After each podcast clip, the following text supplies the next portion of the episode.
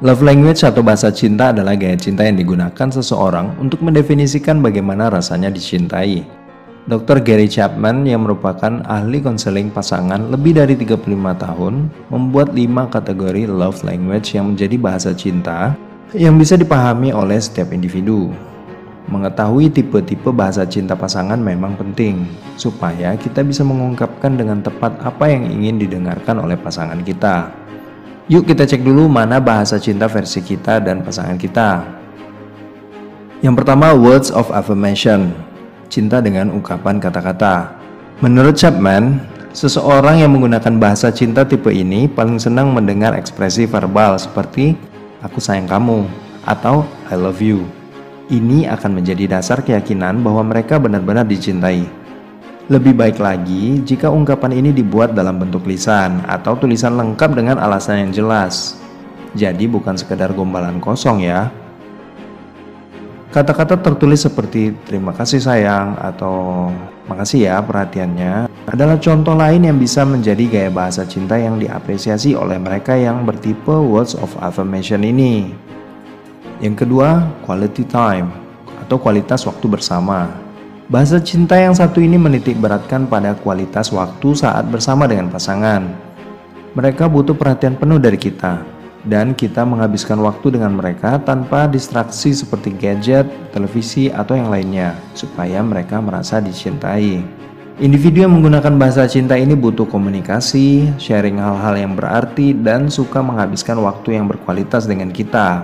Kalau pasangan kita memiliki ciri-ciri ini, tingkatkan lagi nih perhatian kita kepada mereka supaya hubungan cinta kita makin kuat. Oke, yang ketiga, receiving gifts atau pemberian hadiah. Yang perlu digarisbawahi, hadiah di sini bukan soal benda atau harganya ya, tapi lebih kepada perhatian dan makna di balik pemberian hadiah kita tadi. Bagi seseorang yang memiliki tipe bahasa cinta seperti ini, pemberian hadiah ini menunjukkan perhatian dan usaha dari si pemberi. Jadi jika pasangan kita paling senang saat diberikan hadiah tidak terduga, coba deh gunakan tips ini untuk mengungkapkan kata cinta kita. Si dia udah pasti senang nih karena kita sudah berupaya membuatnya tersenyum bahagia. Yang keempat, acts of service atau sikap melayani. Contoh terbaik untuk bahasa cinta ini adalah seorang istri yang akan merasa dicintai karena suami turut membantu dalam pekerjaan di rumah seperti membereskan rumah, membantu mengasuh anak, dan sejenisnya. Saat pasangan kita melakukan suatu hal dan kita bisa meringankan beban dan tanggung jawab mereka, maka ini bisa diartikan oleh mereka sebagai ungkapan rasa sayang terbaik bagi mereka, terutama bagi mereka yang menggunakan bahasa acts of service. Kalau kita punya pasangan yang paling doyan dengan hal-hal simpel seperti dibuatkan sarapan atau dibantu membereskan pekerjaan, Coba deh kita curahkan lagi perhatian kita dengan membantu pekerjaan mereka, supaya mereka menjadi semakin nyaman dengan kita. Yang kelima, physical touch atau sentuhan fisik. Nah, mereka yang menggunakan bahasa sentuhan fisik ini akan merasa yakin akan cinta pasangan jika diberikan sentuhan fisik seperti bergandengan tangan, diusap kepalanya, bisa dicium, dipeluk, ditepuk-tepuk pundaknya, Eh tapi bagi kita yang muslim jangan lupa Ingat bagi yang belum menikah kita ada batasan mengenai hal ini ya.